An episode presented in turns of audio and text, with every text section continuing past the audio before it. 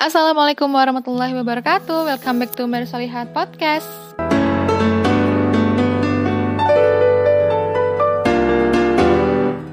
Alhamdulillahirrabbilalamin. Allah meridhoi kita kembali untuk bersuah via suara. Oke, aku mau nyapa sahabat Solihat dulu ya. Uh, Apa kabar Solihat? Alhamdulillah luar biasa. Allahu Akbar ya. Dia otomatis jawab kayak gitu nih Biasanya. Selalu dalam keadaan sehat walafiat selalu dalam keadaan yang diberkahi oleh Allah, diridhoi Allah, dan selalu dalam perlindungannya Allah. Amin, amin, Allahumma amin.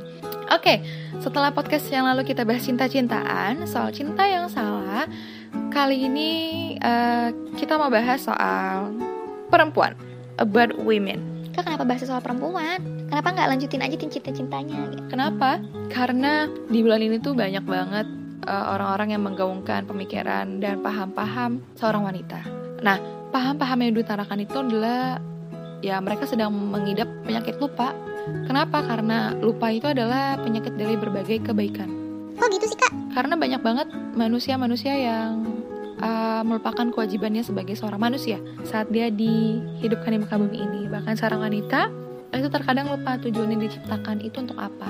Padahal sejatinya seorang manusia baik laki-laki maupun perempuan diciptakan oleh Allah di muka bumi ini adalah untuk beribadah kepada Allah, bertakwa kepada Allah. Hanya itu, simple.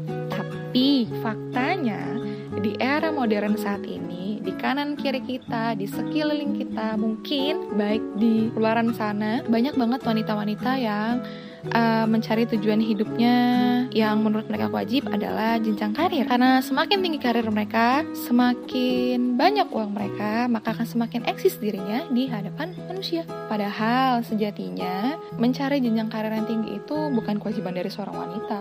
Kenapa? Karena mencari jenjang karir, bekerja itu hukumnya mubah bagi seorang wanita. Sedangkan yang memiliki kewajiban untuk mencari pekerjaan adalah rijal, laki-laki, ikhwan, kawam, uh, pemimpin rumah tangga. Karena kenapa? Karena mereka memiliki kewajiban untuk menafkahi kehidupannya. Banyak banget yang mereka berpikir bahwa antara laki-laki dan perempuan itu harus setara dalam hal apa pun. Kok gitu sih? Ya kan emang harus setara. Kalau nggak setara, gimana kita punya pendidikan yang sama dengan laki-laki?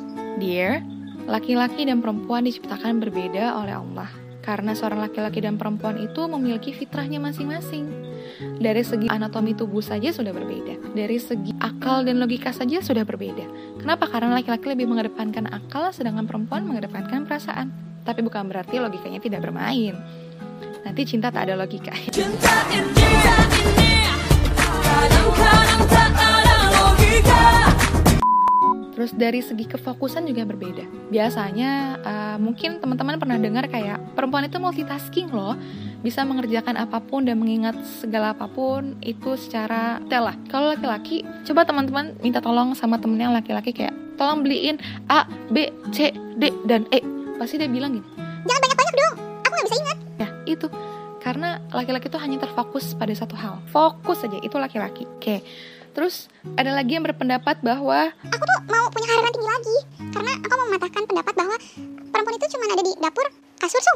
Terus apa? Pemuas naf pemuas nafsu. Kata mereka yang bahwa uh, perempuan itu bisa punya karir yang tinggi, bisa punya perusahaan, bisa punya sesuatu yang tinggi yang bisa dibanggakan, yang bisa meninggikan eksistensinya sebagai seorang wanita. Padahal ada sesuatu yang lebih mulia dibandingkan jadi pemilik perusahaan. Kalau kalian punya perusahaan hanya sementara, tapi, jika kalian menjalankan pekerjaan yang mulai ini, kalian akan long lasting. Bukan kalian, maksudnya uh, bakal terus berkesinambungan lah. Perusahaan bisa bangkrut, perusahaan bisa gulung tikar.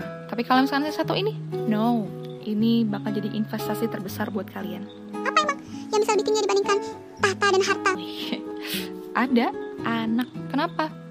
Karena ngedidik anak itu bukan sesuatu hal yang mudah. Susah. Tiap wanita pasti akan memiliki peran seperti itu uh, mendidik anak itu bukan sesuatu hal yang mudah. Kenapa? Karena hadiahnya adalah surga. Kenapa gitu? Iya, karena surga hanya ada di telapak kaki seorang ibu, bukan telapak kaki seorang ayah. Enak ya ngedidik anak langsung dapat surga. Luar biasa kan? Jika kalian mendidik anak itu sesuai dengan fitrahnya, sesuai dengan aturan-aturannya. Pernah dengar nggak kalimat kayak gini? Kalau ada seseorang yang baik, Ih, Masya Allah ya anaknya baik. Pasti ibunya ngajarin yang benar ya? Kalau anaknya bandel, iya benar banget sih. Ini pasti ibunya ke mana nih?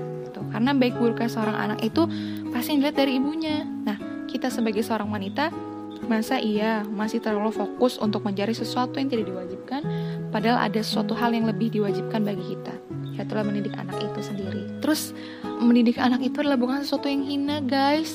Kalau kalian mendengar kalimat kayak gini, Ya ampun mbak, mbak kuliah tinggi-tinggi sama S2 kok ngedidik anak Gak mau kerja apa? Gak mau cari pekerjaan itu apa? Bisa jadi manajer itu masa iya kalian mau mendidik penerus peradaban? Seorang wanita itu harus cerdas, guys. Betapa mulianya kan? Uh, karena Rasulullah SAW pun mengucapkan kalimat ibu tuh sampai tiga kali. Ibu, ibu, ibumu, baru ayah. Mulia banget ya.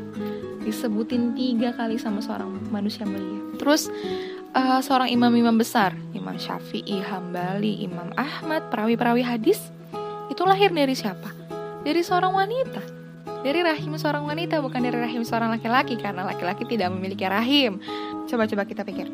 Kenapa Allah itu membolehkan seorang wanita bekerja, tapi wajib untuk mendidik anak? Karena di luar sana, kalau kita nggak ngedidik anak-anak kita secara sesuai dengan aturan Islam, sesuai dengan aturan yang Allah, susah bro, sis. Dunia itu berat, sikut kanan kiri, ya, ya susah, gak akan kuat bakal ngikutin arus yang gak sesuai sama fitrahnya manusia gitu. Kenapa seorang wanita itu malah sebaik-baiknya tempat adalah di rumahnya? Emang gak boleh keluar? Terus kenapa Allah membolehkan seorang wanita untuk bekerja bukan untuk mewajibkan? Sekuat-kuatnya perempuan di luar nih, pasti dia lemah di dalam. Pasti tetap butuh seorang laki-laki, ya kan? Coba jangan membohongi dirimu sendiri, kawan. Pasti dirimu membutuhkan seorang laki-laki juga. Jadi gini, ya gak sih? Iya kan? Karena itulah fitrah seorang wanita.